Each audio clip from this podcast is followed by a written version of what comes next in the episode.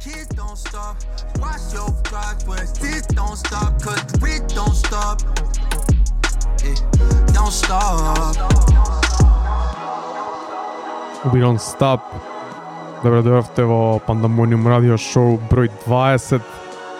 Јас сум Мајри Скреч, вашиот домакин од едната страна на Тафталиджа. Преку Zoom од Карпош 3 ни се јавува активити. Здраво трајче. Здраво Дарко, здраво Пандамониум радио екипо, 20 шоу, 20 недели, едно по друго, многу ме радува.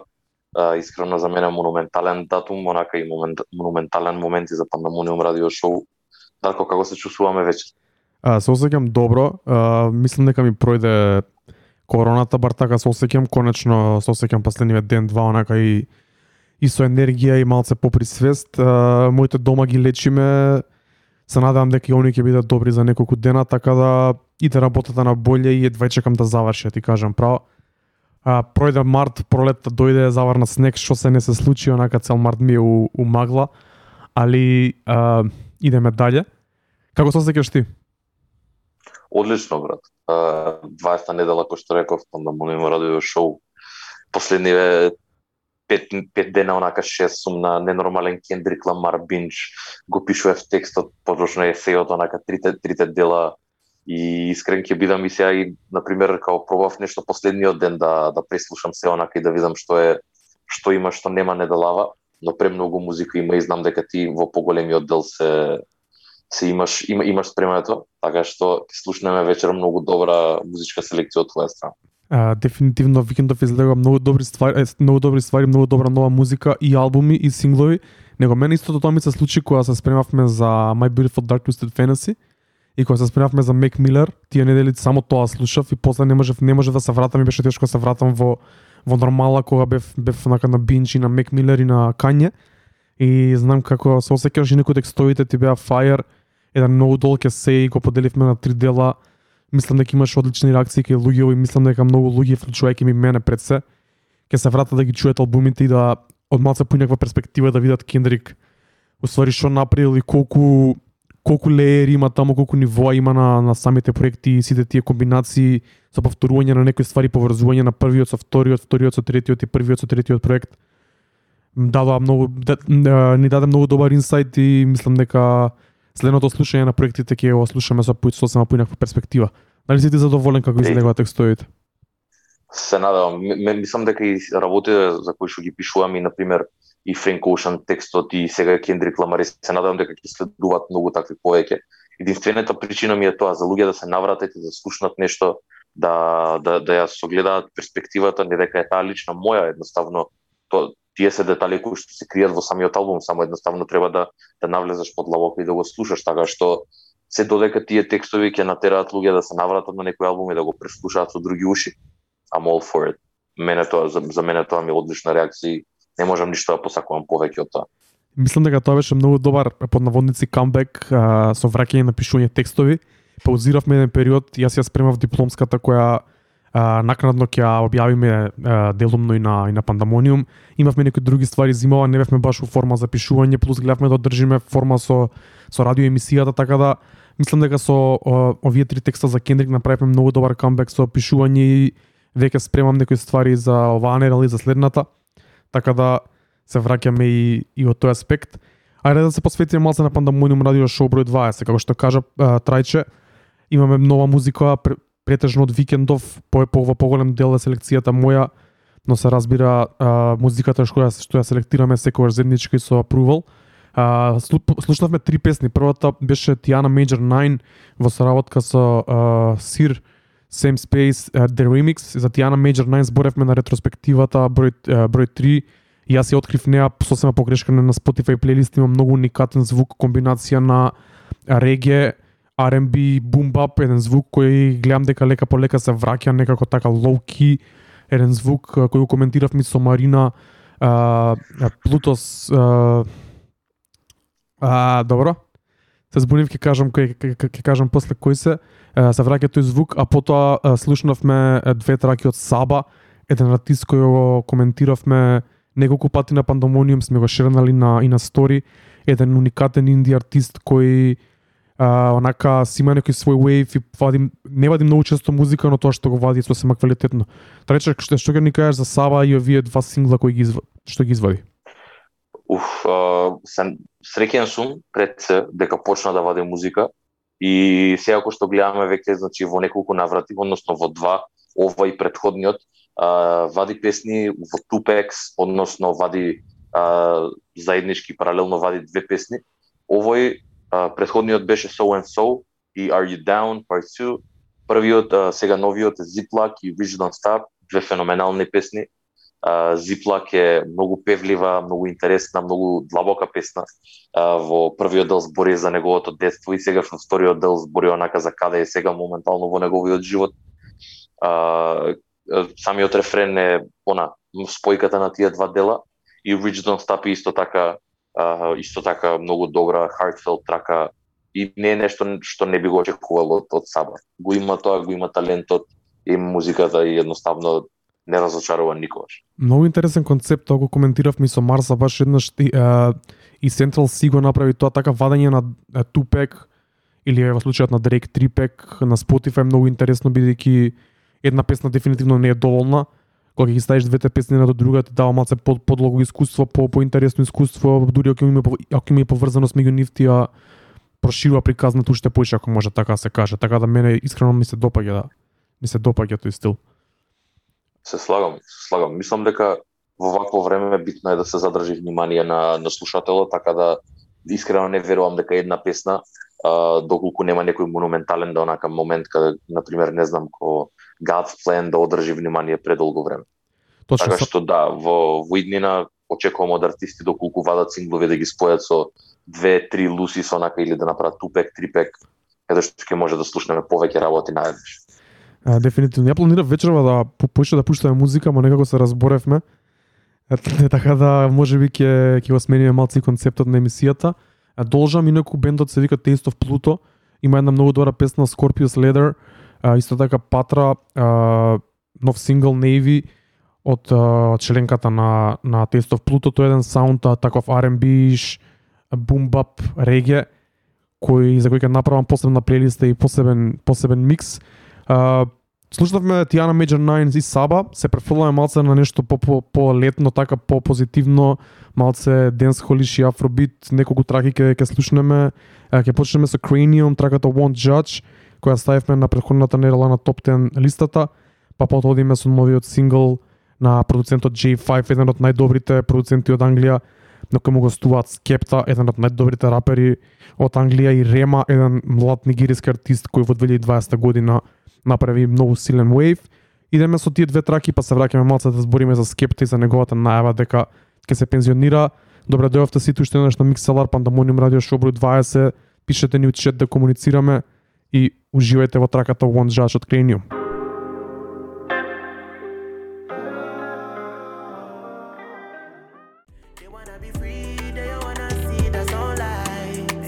Вас Скепте и Рема на продукција на J5. А, трака ми е премногу смут и ако времето не беше баш погодно за неа викендов лите по слушање. Мислам дека многу добро се надоврза да со One Judge, таков chill Afrobeat slash dancehall, инаку uh, J5 како продуцент може би ви е познат од мене прв пат ми беше познат го запознав преку J Hus и неговите многу интересни уникатни битови или афробит или бумбап слеш афробит ритам и често често има и дувачки дувачки инструменти во, во африкански стил, трече се слушаме?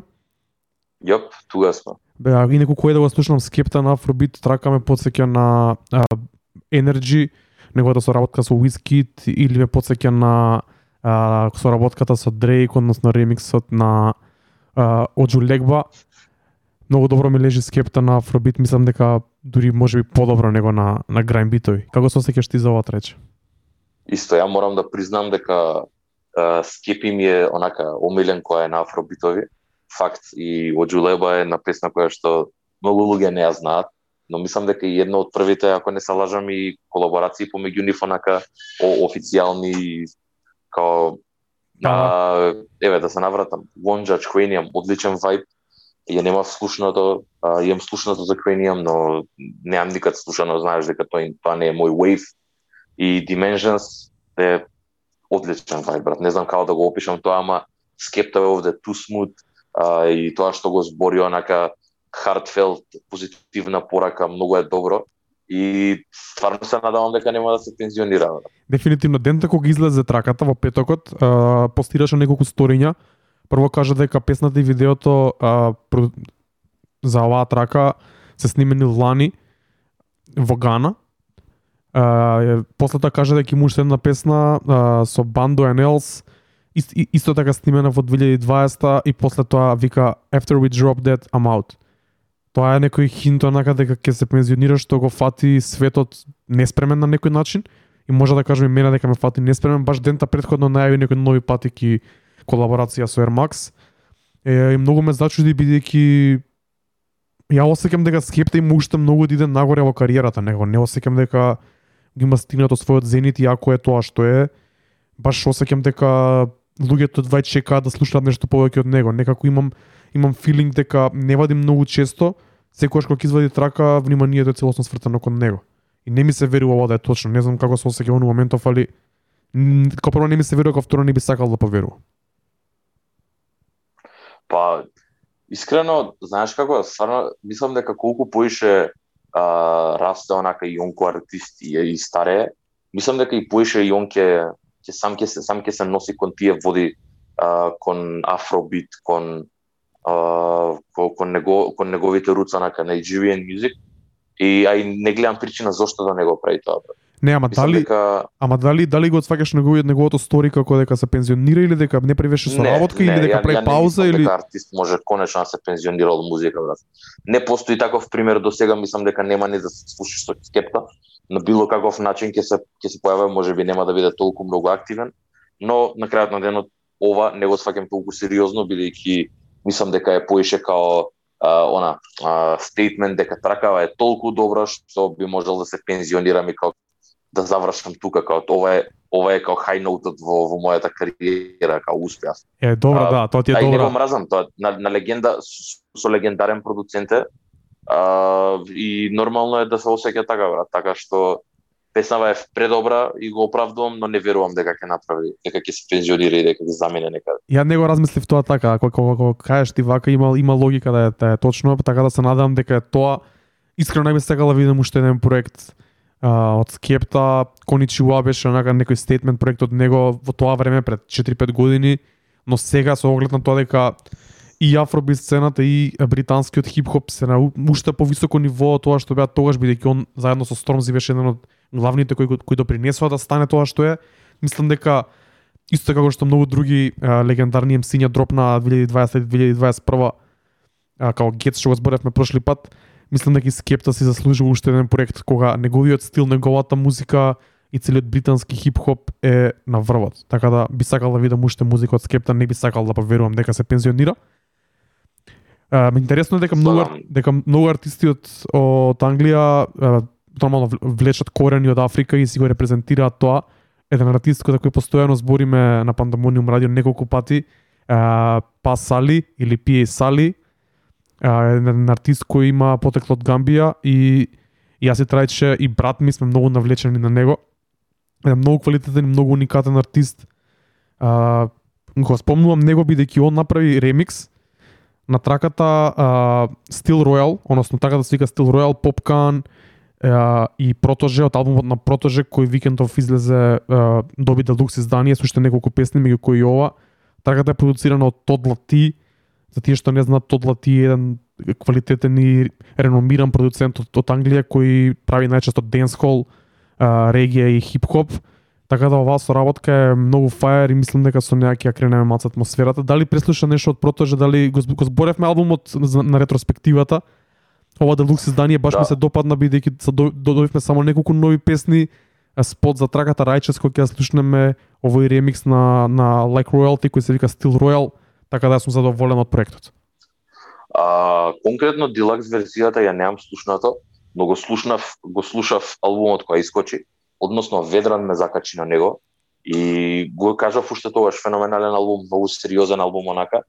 А има време денес да ја пуштам стил Royal и да ја слушнам онака бидејќи а, Паселу е еден од она најенергетичните артисти што моментално ги има Британија и мораше да се слушне пошто знаеш дека секогаш ќе она си е на мисија и си ја завршува задачата. А, немам ништо друго слушнато, сега ќе слушнам ја за прв пат и ова ќе биде мојата реакција. Така да да идеме Steel Royal, Popcan, Паселу, Тадлати. Многу ми е криво дека немам сирената тука, не знаеш колку добро одговара. Ке слушнете и ќе видите, ќе осетите Да. сирената е направена за ваква музика. Steel Royal, Popcan, Пасалиу, Тодлати, Протоже. Уживајте.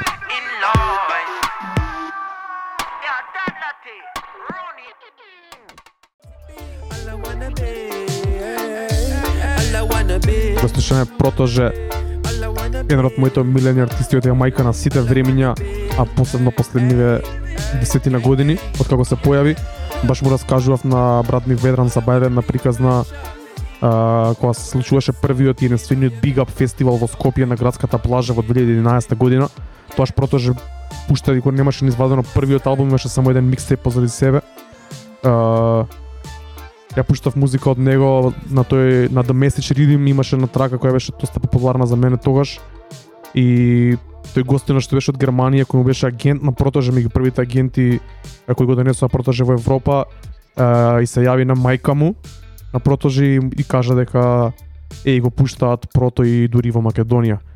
Една приказна која скоро си имав и заборавено, али преска како зборев со брат ми се подсетив на неа и мислам дека е многу интересна приказна. Исто така ги имам видено Протоже на на Summer Jam го имам видено Протоже на паркинг, али се избореше човекот на телефон и некев да го замарам. Е, Јавев таму во прес центарот, он беше позади, најверојатно се спремаше за некој интервју, се избореше на телефон, ама некев да го замарам тогаш. Тоа исто така беше, мислам, дека 2013 година. Тоа се двете мои моите мои причи со Протоже. Се надам дека ќе ја мучи една каже ќе запознам конечно во живот човекот. Трече Само нека заврши пандемијава, брат. Ова везно, е, мора да идеме на концерт на Прото, што тоа зборев исто са Бајле со брат ми, Прото и Брна Бој се први на на чек листата за концерти. Не дали да се свија овие две траки? Феноменално, брат. Рајчес ја немав слушнато и не знаев што да очекувам, но е тој баш она протоже вајб, а, она као не знам, го има тој момент на и на хип-хоп. Многу ми се свија дека е фузија од многу звуци. А за Steel Royal знаеш што мислам, брат. Феноменално паса паселу феноменален. Не, искрено не, не можам да најдам зборови со кои што би можел да го опишам онака. Во еден момент знае да биде пре препрљав онака пре енергетичен, во друг момент знае да биде многу длабок. Така што за таков млад артист, неговиот vocal range и тоа све што може да направи било каква емоција да може да емулира преку преку вокал и преку флоу е она надворот на- надворот возможното според мене. А, Дефинитивно. само само ќе се надокнадам, ќе ќе кажам уште за за Тод Лати. Мене Тод Лати ми е познат многу од времето кога а, кога продуцираше а, UK Garage.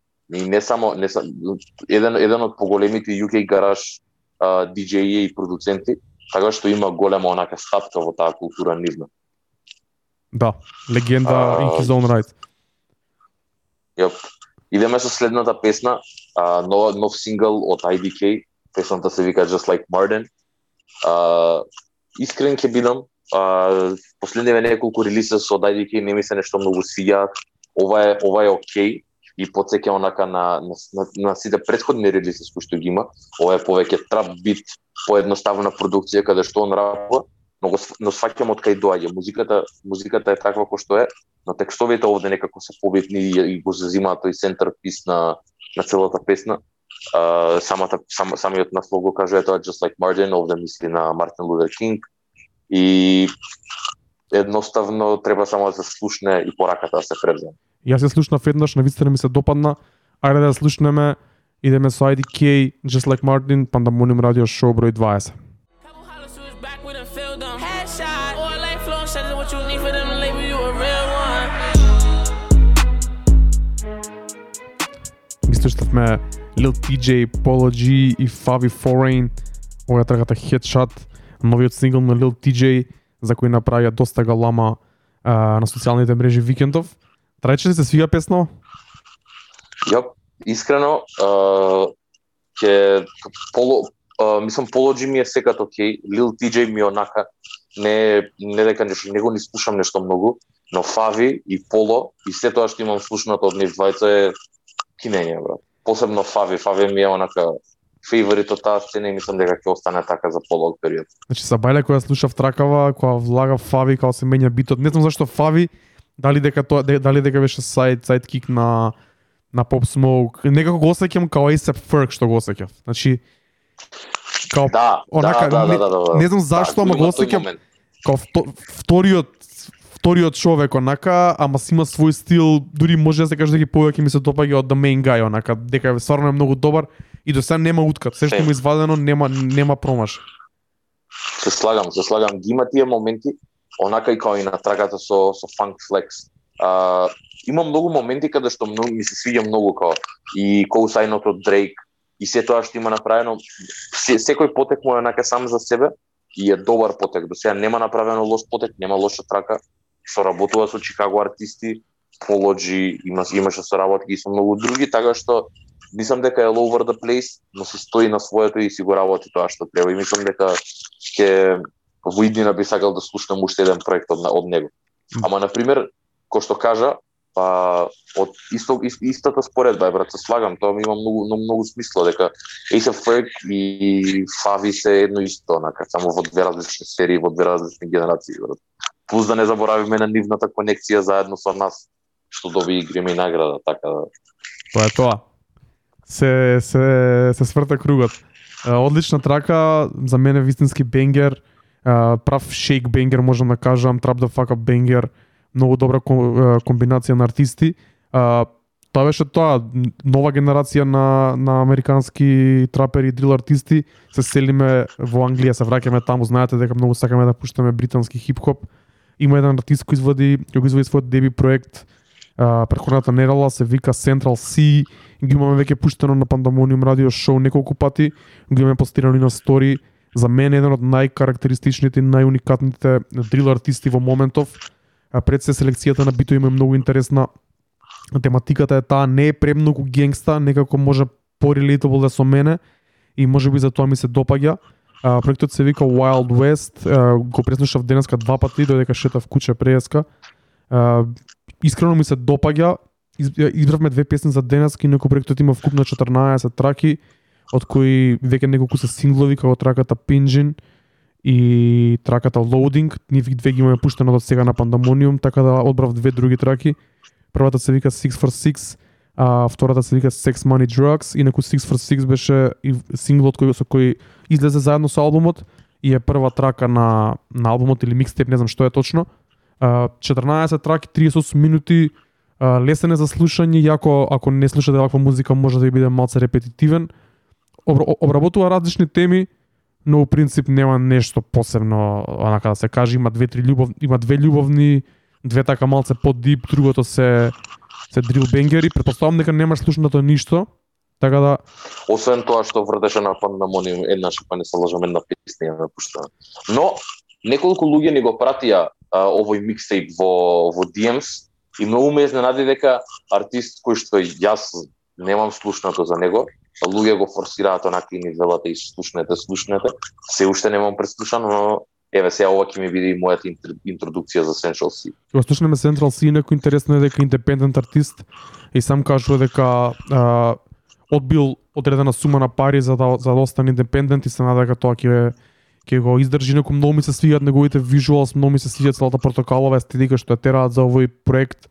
Спотовите се многу интересни, битовите се многу интересни, вреди да се погледне и на YouTube, така да идеме со Central C, 646 и Sex Money Drugs од неговиот проект Wild West, малце UK Drill на Pandemonium Radio Show. The life that I live 3D, the shit that you see on TV. I say that I live my movie, I might make a DVD. The shit that we see daily, you see it on BBC. Vexed that I sold you a dream, but baby, you shouldn't have bought it. Тоа е тоа краток sneak peek на проектот Wild West од Central C. За оние кои може би не слушаат ваква музика, може би би им било монотонно или досадно. Мислам дека ќе извадам неколку синглови, ќе ги ставам во сарато да ги имам за пуштање, бидејќи стварно ми се допаѓа и ќе ви кажам уште еднаш, ако ви фати бар малце уво, отидете на YouTube, погледнете ги видеата, и целиот пакет и мислам дека ќе ви се допадне уште повеќе трајче. Искрено not my cup of tea, ама сваќам зашо луѓе би го слушале ова. А, искрено, знаеш како и тоа го имам кажано дека на пример мене повеќе ми се свиѓа тој америчкиот дрил ко Фави, ко Pop Smoke неголи ретки се артистите од Британија кои што кои што ми она ми задржуваат внимание со дрил артисти, така што а, тоа се уште останува, не знам, можеби не му давам до, доста она добра шанса за да за да слушнам. Ама се надам дека ќе се смени тоа бидејќи кој што реков, многу луѓе не го прати и рекоа дека е квалитетно, па така да видиме за, за што станува збор. Точно. Најави што ќе слушнеме следно. Е, е ова е нешто спортивното на тоа, нешто што може да ми задржи премногу внимание. И ова го, спо, го зборевме а, пред некое време ја зборевме го зборевме Бени, го зборевме Хери Фрод и овде се сега од нигде никаде онака да го извадат новиот албум продолжението да плак зајме цу. Тоа беше многу интересно дека индиректно ги најавивме и овој проект и проектот на Guap.4000 бидејќи ги пуштивме трагите, зборевме полого за нив Предходниот. предходниот понеделник и во петокот дропнаа проекти, што е многу интересно. Да.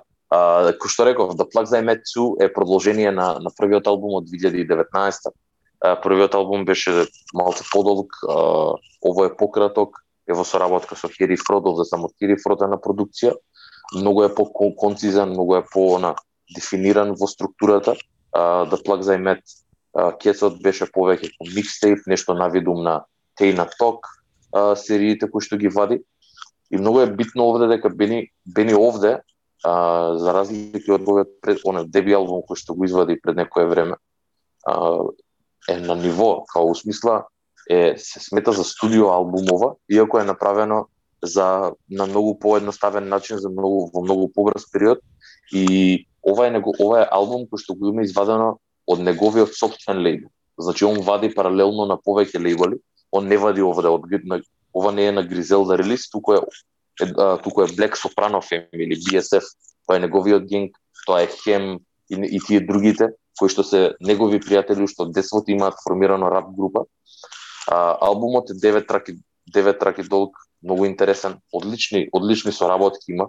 Една ќе слушнеме сега, но а, има соработки Two Chains, го има Fat Joe, го има French Montana, Jim Jones, а, го има Chinks, Rest in Peace Chinks, а, за тие што не знаат Нью Йорк легенда, а, близок соработник на A$AP Rocky на French Montana.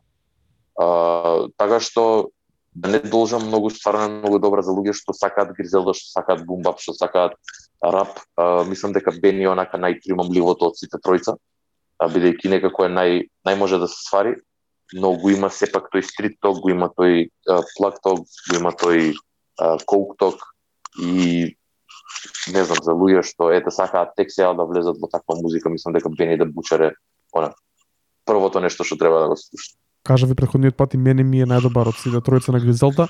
Ајде да слушнеме, идеме со Plug Talk Benny the Butcher featuring Two Chains. Може. Benny the Butcher, The Plug за Met 2. Ке му влезам на албумов Еј. јако дефинитивно. На сите да ви кажам, се до Дарко го почне Бени да Бучер, не знаете тоа колку важи онака. Не, не можам да ви објаснам една година пред ова, што значеше на Дарко да му пуштиш бумба песна и да реагира вака како што реагира сега. Успеавме. Значи многу работа. Инаку да, Ајде, ајде, кажи, кажи. а, феноменален албум, краток, ама концизен, продукцијата е многу добра.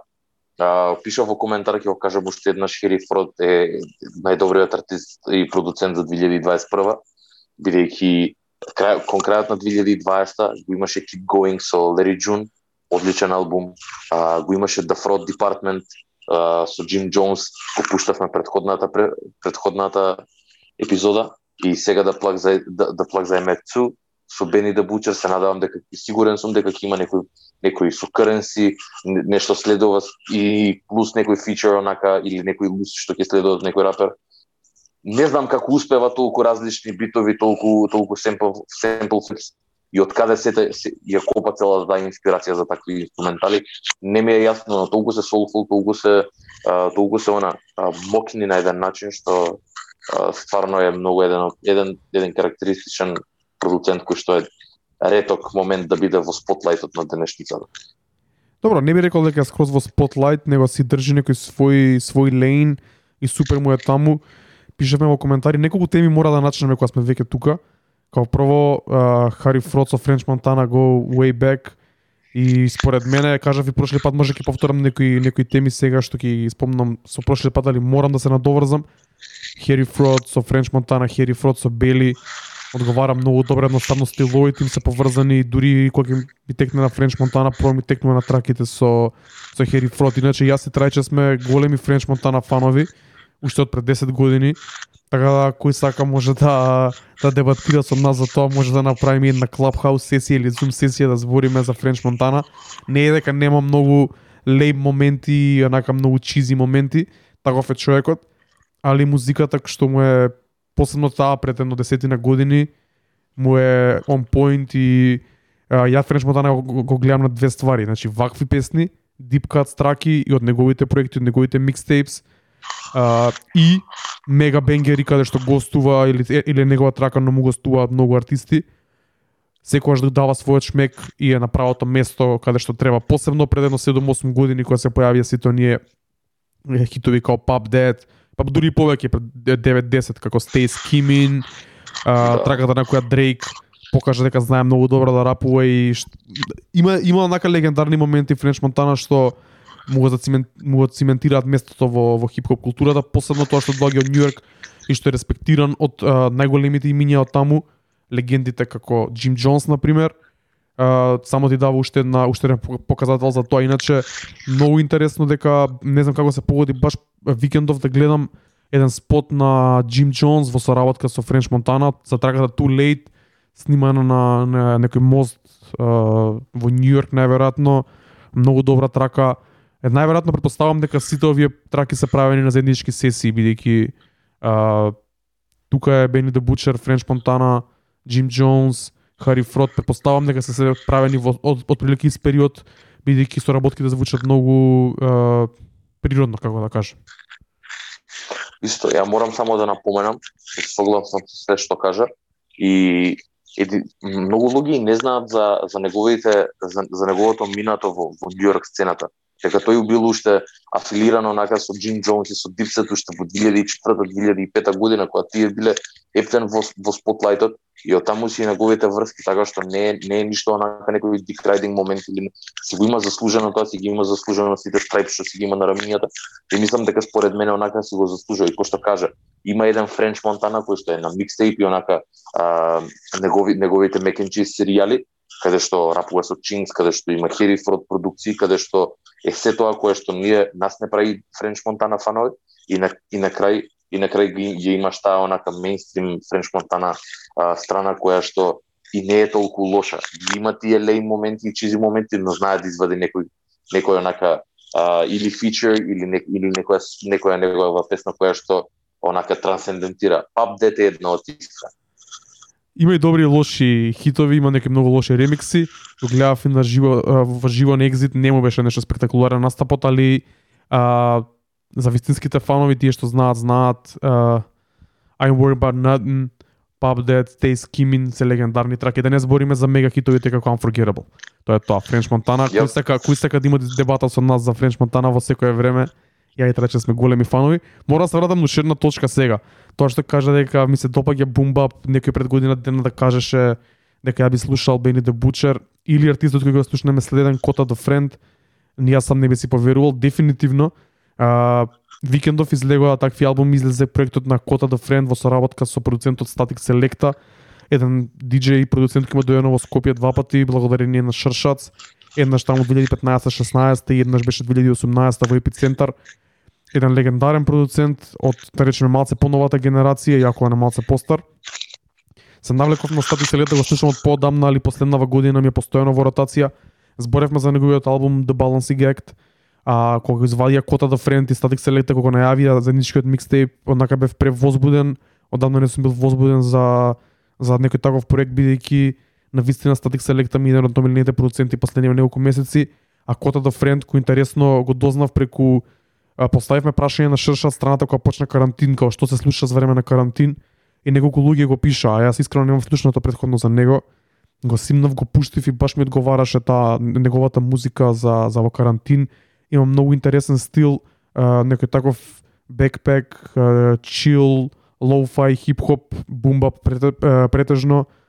Малце е мелоу, не е за во секоја за во секоја доба, но баш за за под дома, вака за наврнежливо, за во карантин е супер. Инаку морам само ше едно да кажам, мислам дека почнав да слушам, а, се вратив на Бумба Поише со албумот на Джей Хас. Го зборев неколку пати и пишував и текст за него. Big Conspiracy, јако не класичен бумбап, влече многу на кај бумбапот. Баш викендов си го размислав, ова која почнав, онака која ми се врати тој тој саунд, мислам дека бев презаситен од целата музика што ја пуштавме, целиот а, а, трап, целата трап музика и дрил и што и да беше таму кога пред да почне карантинот и во јануари кога излезе Big Conspiracy на Джей Хас и беше многу свежо, многу добра комбинација на британски хип-хоп, бумбап малце, афробит малце и мислам дека тоа тогаш на таму се навлеков, а карантинот само помогна. Исто така Пандамониум радио многу помогна да почнам да слушам а, Алфредо, цела Гризелда екипа, се тоа слушам ради вас. ради Гипса, разбира, нешто ми се допаѓа, нешто не ми се допаѓа. Али конкретно Кота да Френд многу ми се допаѓа и Бени да Бучер исто така, како што кажа фамилен мој артист од, од Гризелда. Може да зборам за Кота да френт или сакаш ти нешто да кажеш? Еј, мене ме знаеш што мислам да исто Кара да френт, а, Селекта. Искрено за мене она со работа која што не очекував не не, не очекував во, во домен на да да добиеме албум проект од нив двајца. Но мило ми е што се случува Tequila Sunrise. Знам дека ти повеќе беше загреан и повеќе беше возбуден за овој албум, така да ќе те оставам ти да кажеш што поише. Дали го преслуши и кои се твоите реакции првични од, од самиот албум. Викендов го преслушав едно пет пати, бидејќи е, има 10 траки, пола саат трае, едно шетање на куќа, два пати го преслушувам проектот, или еднаш со неколку враќања, инаку траките ми имаат многу quotables, не знам зашто, али многу многу се поистоветувам со работите кои ги збори Кота, посебно тука, и општо се поистоветувам, али тука некако сме on the same level, и оддамна немам напра... немам слушано проект со кој со кој толку можам да се поистоветам. Така да има 10 траки, 33 минути, има само едно гостување од uh, пејач од Highly Supreme, кој е познат соработник на Static Selecta, еден пејач кој влече реге корени и пее вака на бумба битови и звучи супер, инаку проектот е многу лесен за слушање, ако ви се допаѓа ваков стил, онака од првата последна песна си тече без проблем.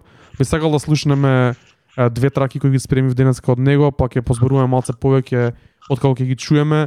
Overall многу ми се допаѓа и може би ми е нај, најдобар проект до сега во 2021 година и многу сум позитивно изненаден и многу би сакал да дојде Static Selecta пак во Скопје кога ќе заврши е, ситуација, бидејќи сега сум многу во текст со неговата музика која вади периодов.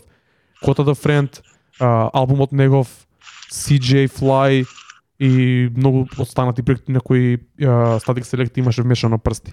Мислам дека многу зборевме, може да слушаме малце музика така. Идеме Ја, Кота да да. Friend, Static Selecta, трагата Wolves, Пандамониум радио шоу број 20. Уживајте. When I get in my bag, but they can never know. Fires in the cold, flying to the goal, separate the diamonds from the cold, the cold. Кота да Friend, Static Selecta, а, ги слушнавме трагите Wolves и The Cold. Ако ви се допадна, чујте го цел проект, многу е краток, 10 песни, 33 минути, вреди да се преслуша. Тајче? Феноменално брат, никад не разочарува, текстовите се на место, тука е тематиката е на место, пак искрена музика, онака Стерик Селект е многу познат по својата продукција. Искрено многу ме потсеќа на на старите ствари од Джои Берес, од CJ Fly, од проера деновите, 2012-2013 година и тоа не го велам како критика, ко, ако ако е критика е позитивна критика бидејќи а, ми се свиѓа тој тој, тој вајб, тој она тие мелодии, тој тој звук. Така што не, не можам да едноставно како тоа е тоа двајца по двајца добри артисти се споиле направиле нешто што може да се слуша и може да се навраќа повеќе пати. Многу интересно дека Викендов излегува три, односно четири проекти колаборација на артист со е, продуцент. Неколку пати го зборевме ова, како и многу ствари што ги зборевме во овие 20 епизоди на Пандамониум радио, некако ги предвидевме или ги најавивме. Се се почеста појава е тоа во свет, во светот на на хип-хопот, посебно во Америка и би сакале да видиме и што поише такви соработки од нашите артисти, нашите продуценти, нашите пријатели Курчо и Секси Марса веќе најавија некои такви проекти и чекаме да ги слушнеме, така? Јоп, тоа е тоа, тоа е следното, мислам дека тоа и треба да а, убаво е таква, дури и да не се официјални дуа како а, исто по Бени да Бучер и Хери Фрод, Кота да Френт и Стерек Селект, едноставно некоја конекција природна, каде што не е изфорсирано туку една, две траки, па тоа прераснало во проект, туку не е однака стајано, еј, сега денес влегуваме во студио и креираме проект. Едноставно ова пред, предпоставам дека така си има случано, да една од две песни сватиле дека имаат убава конекција, имаат убава врска и продолжиле да работат и така стигнали до цел проект, што е многу добар момент. Истото, истото е со Секси Марса и Петар, истото е со Курчо и со, со Глуми, така што едва и чекам да ги слушнеме тие и да не должат и они многу нека ги вадат бидејќи ни фали нова македонска музика брат. Точно, точно и тука сме да ја промовираме и неку спремаме МК сцена за следниот пат, собираме траки. Оваа недела пуштате ни некои траки веќе имаме. А, ако ви се појави нешто на радарот, пуштате ни да преслушаме и да ставиме за следната емисија. Тука завршивме сега за сега со бумбап звукот. А, не верував дека ова ќе се случи, али преслушуваме музика од Джастин Бибер на Пандамониум радио. Дали го преслуша албумот на Джастин Бибер? Во петокот кога зборевме, yep. многу ја пофали траката Peaches, одлична трака, но дали го преслуша целиот албум? Кажи нешто повеќе за траката која ќе ја чуеме следна и за општо за албумот, па после јас да кажам. Не во целост, но има моменти кои што премногу ми се свиѓаат. А и ќе бидам искрен, а, не знам, нека ме хейтаат колку сакаат луѓе за ова. Ја не го мразам Джастин Бибер. Ја не немам ништо против него. Посебно посебно не пост 2015 година каде што веќе стварно онака неговата музика took a turn for the better и почна да креира стварно квалитетна музика, иако на моменти поп, иако на моменти онака а, препозната или прекомерцијална, секогаш на албум има неколку песни кои што онака се стварно квалитетни, каде што ги а, на еден начин флекса своите вокални способности, каде што тематиката е убава, каде што збори за интересни работи и е многу искрен. Исто и во поголем дел и тоа тоа тоа со, со овој албум, албумот се вика Justice, долги 16 песни, 45 минути. И овде има многу интересни фичерс кои што искрено не ги очекував. Не цел. Не знам ти дали го прислуша, но овде на албумот го има а, го има Khalid, го има Chance the Rapper, го има Dominic Fike. Има луѓе кои што не верував дека би можеле да се најдат на песна со Джастин Бибер, онака знаејќи го каква звезда. Овде, овде има Daniel Caesar и Givian, двајца артисти кои што овде ги имаме пуштано. Овде е Бим, Burna Boy. Кажи ми како се осеќаш ти, бидејќи овде има артисти кои што ги имаме зборено, сите до сите до еден ги имаме зборено на на Пандамониум радио. Така да кажи ми ти на пример како беше твојата реакција кога ја погледна оваа трак Тоа беше многу интересно. Не, не знаев дека води проектот и во петокот збореше за траката Peaches а, со Givion и со Daniel Caesar, двајца артисти кои за, за кои многу пати имаме зборено и пишувано на на Пандамониум. И после тоа како поминуваше денот, како дојде викендот, онака ми се појави од милион места дека има соработка со Burna Boy, дека има соработка со Beam, Бим еден артист за кој пишавме под радарот текст, еден одличен артист, многу уникатен, е, корен, корени, живее на Флорида, прави прави звук кој е кој никој ни еден друг артист не го прави, баш он имаше постирано кај него како фала многу на Джастин Бибер. Е, можеше да не ме стави на песната, односно да не го остави мојот дел, но го остави овој голем майлстон за него. Кој знае колку е голем бидејќи он е баш под радарот артист, иако многу квалитетен го нема мейнстрима пилот.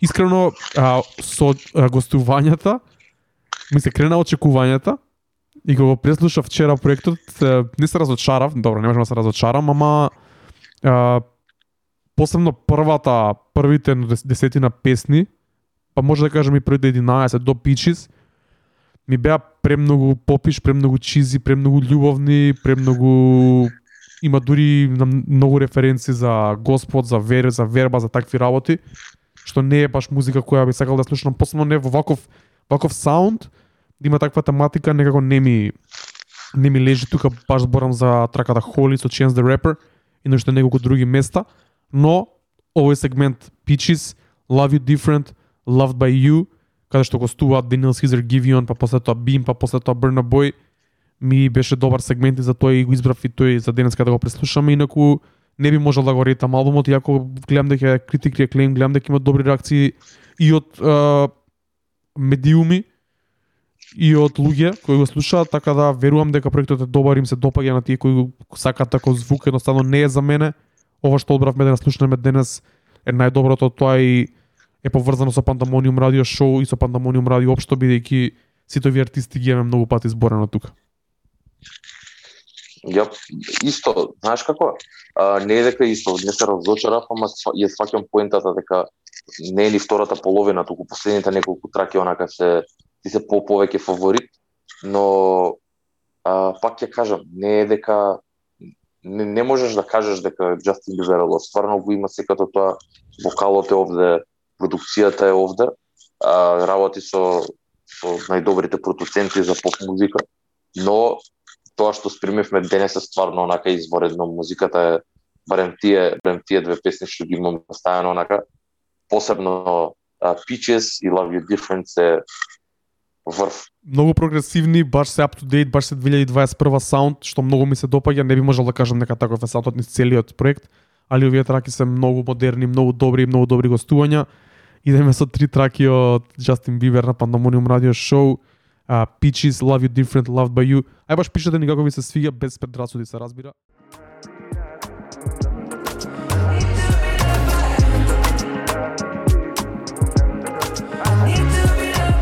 Justin Bieber, Burna Boy. Се разви интересна дискусија у чат. Бигав до Mixalar екипата. Со нас секој понеделник 20 понеделници. А, Трајче, што мислиш за ова? Дали Джастин Бибер а, дава пропс со овие гостување или ги оставил така како да добие малце поише кредибилитет? Па и едното и другото. Мислам дека не може едното без другото, бидејќи пак на крајот на денот е некаква индустрија. Мислам дека сепак се работи за индустрија, сепак се работи за major label релиз и нормално е да го има тој малце cultural appropriation момент да сака да навлезе во тоа што е ново во поп музиката. Но добар момент е што го има стоставено Брна Бој. И мислам дека знаеш како, мислам дека дури песните се напишани од артистите кои што се featured на на на, на, на, самиот на самата песна. Исто мислам верувам дека и тоа е тоа е случајот со Гивиан, тоа е дел со Даниел Сизер. Тие се одлични текстописци и двајцата. Истиот случај е со Бим, за него знам бидејќи нели го, го спомна и Инстаграм постот. Така што не е дека го мразам, но сваќам од каде доаѓаат и коментарите и критиките за истото дека и е cultural appropriation и дека на еден начин го вози тој бран на, на, на, на целиот тој звук сега што моментално е непопуларен.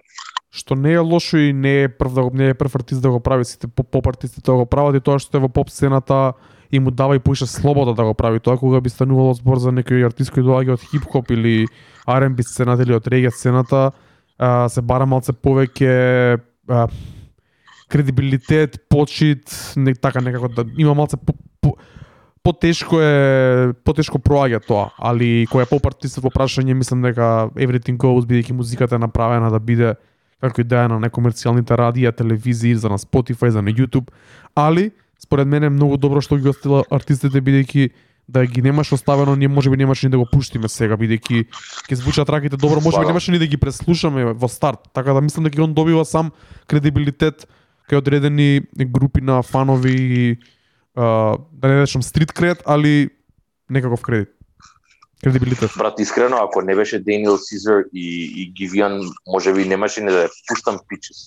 А не е дека не ми се свиѓа. Значи ми се свиѓа и на Джастин Бибер делот, но друго е кога ќе видам двајца underrated артисти на трака со еден од најголемите артисти во тие води и си велиш дека ова е одличен момент и за нив за да ја бусне кариерата, а и за за Джастин Бибер кој што соработува со такви артисти помали на еден начин, но исто и можеби и повеќе квалитетни од него во тоа што го прават.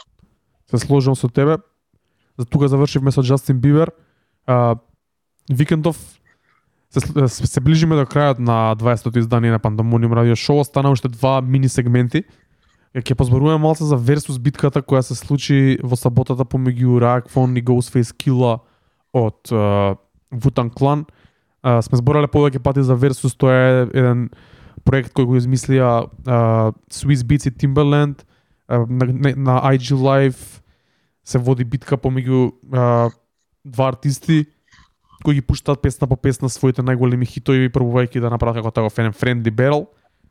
Беше многу добра дешавка за хип-хопот. Ја искрено не сум голем фан на Вутан клан, али морав да го гледам тоа, тоа не можев да заспијам, така да супер ми дојде што го изгледав.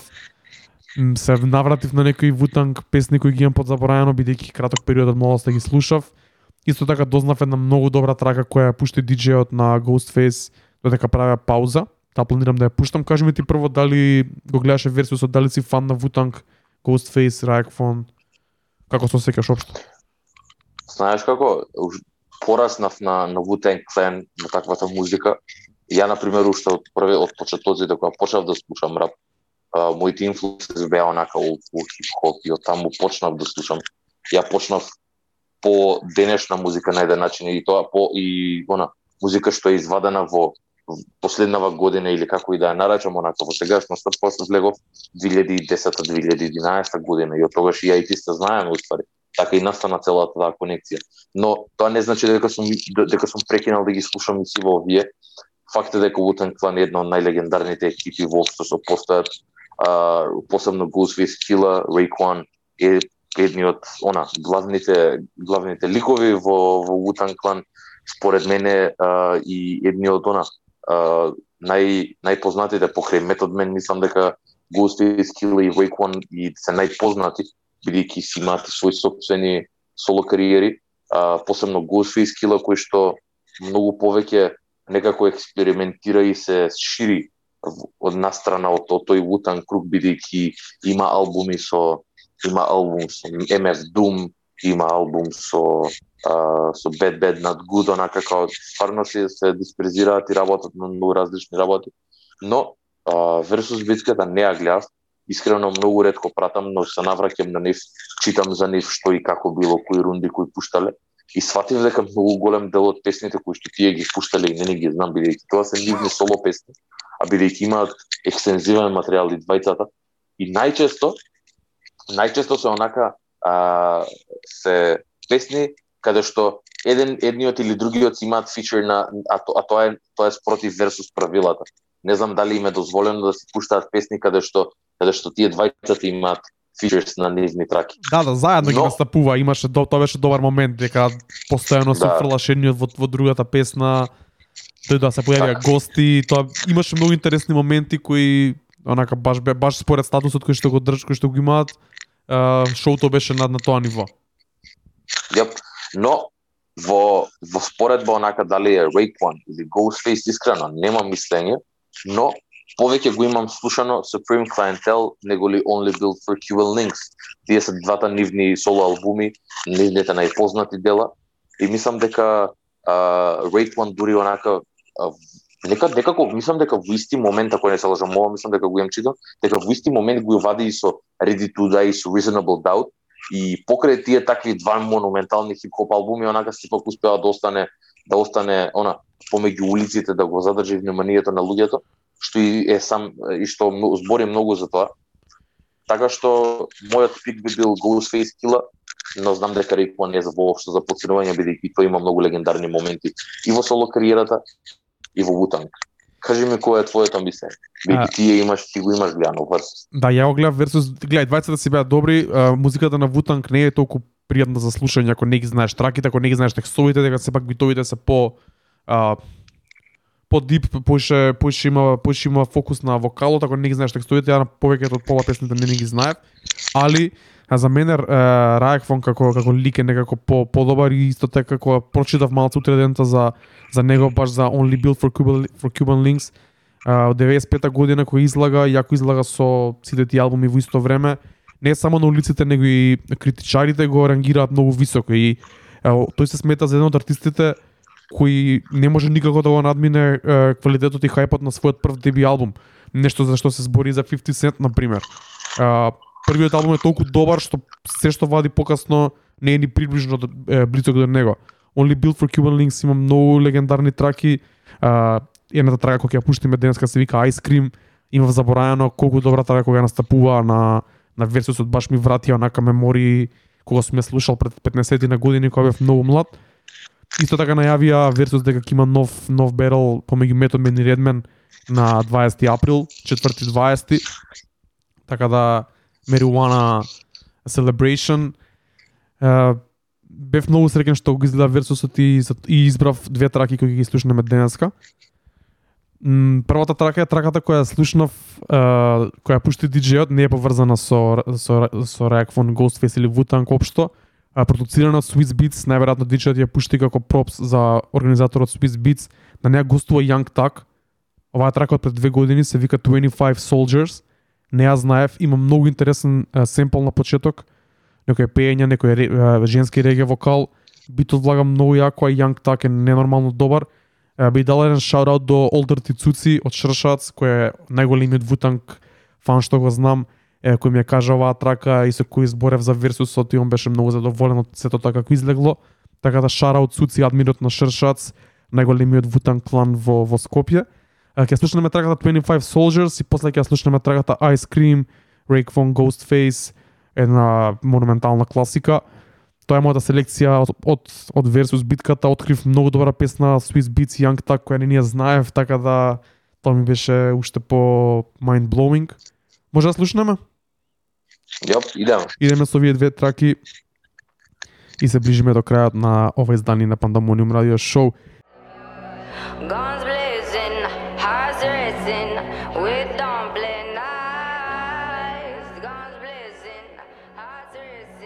Не знам за вас, али мене ова ми е неописливо, не можам да кажам колку ми се допаѓа и колку ми изненади дека Young Так уствари на битов убаво пиша трајче, ова е пик Swiss Beats продукција, семплот или пеењето, гостувањето, не знам, не знам што е, ќе истражам малце повеќе, вчера ја дознав песнава, ќе истражам малце повеќе, песнава ми е лудило едноставно, не, не знам, немам, немам друг, немам друг збор. Се слагам, ја, ја исто не знаев за ова. Не бев свесен, но Swiss Beats знае да ги извади овие некои такви прелуди ствари, онака преедноставен бит, ама кој што функционира и кој што ќе го дае на правиот рапер, кој што ќе знае онака да го да го да го среди до крај и да извади многу квалитетна песна. А, Требаше да- ми, Требаше да ја чуем и трагата Ice Cream, али морав да направам пауза малце да се наврземе на Young Tuck и на мобитиве што се разврзаа во чет, бидејќи така сме на време, таман сме. А, имаме уште малце време. А, Марса вика дека е многу среќен бидејќи живее во времето на Young Tag, дека пост, ги слуша постојано старите ствари као Halftime, Hercules, Digits и вика леле колку сум среќен што сум жив. Се слагам брат, иако јас би го избрал Future пред Young Tag, но а, дискографијата на Young Tag е и влијанието пред се е незаменливо и немерливо. Речеш као со се ти во врска со а, со со Јан коментарот на Марса, Па да, Се за Tuck но- општо. искрено, знаеш како? Ме- Мене повеќе, да, а, ми се свиѓа Young Tuck, но кога беше она почетозите која беа Stoner, која која беше која беше тоа 2014-2015 година и впрочем и кога се упозна со Марси, кога слушавме тоа, кога бевме длабоко со со Мигос и и Gucci Mane онака, мислам дека не му не му толку обрнав пажња на на Јанг тако артист бидејќи само стварно ги знаевме познатите ствари не фрлав многу пажња на микстейп на, на сите микстейп што ги вадеше, иако вадеше премногу во тоа време. И повеќе повеќе бев свртен кон фьючер, онака и за мене искрено е исто. Фьючер пред Јанг така како и да е, но не ја занемарувам, не го занемарувам неговиот work ethic и знам дека е легенда во тоа што го прави. Мене ми се они двајца единствени кои баш кога прашуваат со кој би требало да има versus Future или Young Так. они ми се единствени двајца кои би можеле да се парираат еден на друг поради тоа што имаат а, огромен број на хитови, огромно влијание, во слично време се појавија, они се двајца лидери а, и предвестници на се ова што се случува после 2015 навака и двајцата се многу уникатни во своите стилови и онака нема тоа што се збореше порано дека сите мамбл рапери се исти или ово, они се а, олицетворение на тоа кое треба да се објасни што него да му кажеш не не се слушај едно, слушај друго, слушај колку е уникатно, слушај колку е карактеристично за тој одреден артист и не може никој друг и да проба, не може да не може да го ископира никако, може само да биде да проба да го направи тоа. Така да мене они двајца ми се во, во различен лейн, али на иста висина според влијание, според uh, greatness, според дискографија, според се. Тоа е тоа и мислам дека да, и мислам дека сите ќе се сложат со тебе за, за тоа. Добро, тоа беше кратката пауза да збориме за Young Tuck, иначе Big Up до Марса. Ја и Марса израснавме, иако малце слушавме Wu-Tang двајцата, израснавме поише на поразличен звук како Swisha House, Deep Set ги спомнавме прошли пат. Така да ние уште тогаш влечевме корени некај влечевме повеќе некај тој по јак звук, помоќен, помодерен и мислам дека токму затоа се навлековме толку лесно на трапот. Идеме со uh, Ice Cream траката од uh, Only Built for Cuban Links и се враќаме после да збориме малце за The Weekend, 10 годишнината на House of Balloons и да се одјавиме. Идеме со малце бумба, малце класика на Pandemonium Radio. One love to caramel Sunday with the cherries on top. Вака звучала љубов на хип-хоп трака у 95-та. Ice Cream, Drake Von Ghostface, Method Man, Wu-Tang, од албумот Only Built for Cuban Links. Тука стигаме полека до крајот на одвајасто издание на Pandemonium Radio Show. Мислам дека имав одлична емисија со а, многу добра селекција и многу интересни кратки, но интересни муавети. А, но за крај го оставивме The Weeknd а, да се одјавиме со едно легендарно парче музика, односно дел од него. А, Викендов House of Balloons, првиот микстейп на The Weeknd со кој почна да си го заработува својот легендарен статус во музичката индустрија и општо во светот, излезе пред 10 години. Не бевме не бевме uh, aware на ова на uh, годишнина, па затоа не спремивме текст, бар не сега за сега, планирам да напишам еден текст, и ако ќе бидам искрен, проектот него пред него слушавме веднаш кога излезе бидејќи кога излезе никој не ни го знаеше до уикенд, али а, несомнено е и неоспорливо е влијанието на првиот од целата три, трилогија микстейпс на The Weeknd кои го поставија новиот звук на сцената и го направија Weekend тоа што е. Рече као се сеќаш за овој проект 10 години подоцна. Кој што кажа, го немам слушнато, не го слушав во 2011 уште кога искочи бидејќи а, не са, самиот самиот The Weeknd кој артист не бил воопшто познат 2011 и му требаше неколку микстейп за да стигне до кај што е. А, и со триологијата се се случи тоа. Но вака навраќајќи се на него и гледајќи ја трактистата и песните кои што се наоѓаат на на овој на овој проект, uh, сваќам колку бил колку бил влијателен за тоа време. Песните кои што се кои што се најдоа на овој проект што се направија за R&B музиката. Конкретно Френк Frank Ocean заедно со заедно со The Weeknd во во ист период ги вадат своите деби деби проекти. Frank Ocean го вади но, но, Nostalgia Ultra и uh, и The Weeknd го вади а, неговиот него, House of Balloons, неговиот проект, така што многу битни проекти за во 2011 и мислам дека се уште важат онака за едни од нај најдобрите R&B R&B проекти кои што во, кои што били извадени во претходната декада. И мислам дека како поминува време, а, уште повеќе ќе си го ќе, се- ќе си го цементираат местото и својот статус бидејќи тоа се такви таймлес проекти кои со текот на времето стануваат само подобри и подобри и нивното значење станува се поголемо со оглед на тоа што се случува после нив на сцената. Така да ова не е значаен проект само за кариерата на The Weeknd, него значаен за целата декада на музика која излагаше после ова. Нешто што го збориме и за Kanye, нешто што го збориме и за Drake. Тука се овие три проекти на The Weeknd. Никој не го слушаше тоа во 2011, може би во во Канада и некаде во Америка. Кај нас до уикенд бар вака луѓето што ги познам и што ги знам некаде околу 2012 веќе првите луѓе кои го слушаат до уикенд се појавија и дефинитивно после тоа се е историја. Ќе гледам да напишам еден текст, иако не сум баш во нека во некој муд за прислушување на ваква музика сега, но мислам дека вреди да се одбележи бидејќи е многу значаен проект House of Balloons. Спремивме три траки за за да се одјавиме а, од овој проект. Првата е The Morning, која мене ми е милена после 10 години. А, The Knowing и како последна ќе ја слушнеме High for This за сите што ќе останат до крај за мал throwback. Јас би сакал да ви се заблагодарам на вниманието и на дружбата овие 20 недели и вечерва а, сите благодарности од сите гости кои ни беа до сега гости. Ние продолжуваме понатаму секој понеделник сме на Mixlr, отворивме YouTube канал, а, орете и направете subscribe, а, следете на, на Instagram, таму сме секој ден на стори. А, фала ви уште на што не слушате вечерта, вечерва и последниве 20 понеделници. Фала ви што ни пишувате у чет. Фала, фала ви што ни праќате добра музика, да преслушуваме, што ни ставате траки во Pandemonium Community плейлистата и така натаму. Јас се одјавам тука, Трајче. Исто, благодарам уште еднаш што останавте со нас до крај 20 20-та епизода поред. Се надеваме на 200-та. Кој што кажа Сексон Марсон. А, поздрав до сите вас, се гледаме следен понеделник, се надевам дека ќе бидеме во студио следен понеделник. Ќе ќе можеме да она да имаме поголема динамика кога да збориме и да направиме можеби некој спешал или да спремаме некој спешал кој што можеме да го обработиме во а, во некоја следна емисија. Уште еднаш фала ви многу 20 20 недели поред мене се уште не ми се верува. Се надеваме на на 56, па ќе гледаме за понатака. Uh, тоа е тоа, сега ќе идеме со, со The Weekend, останете со нас до крај, ова е одличен throwback, три траки, после доколку сагате да послушате го и целиот проект. И тоа е од нас, се слушаме следен понеделник. Поздрав.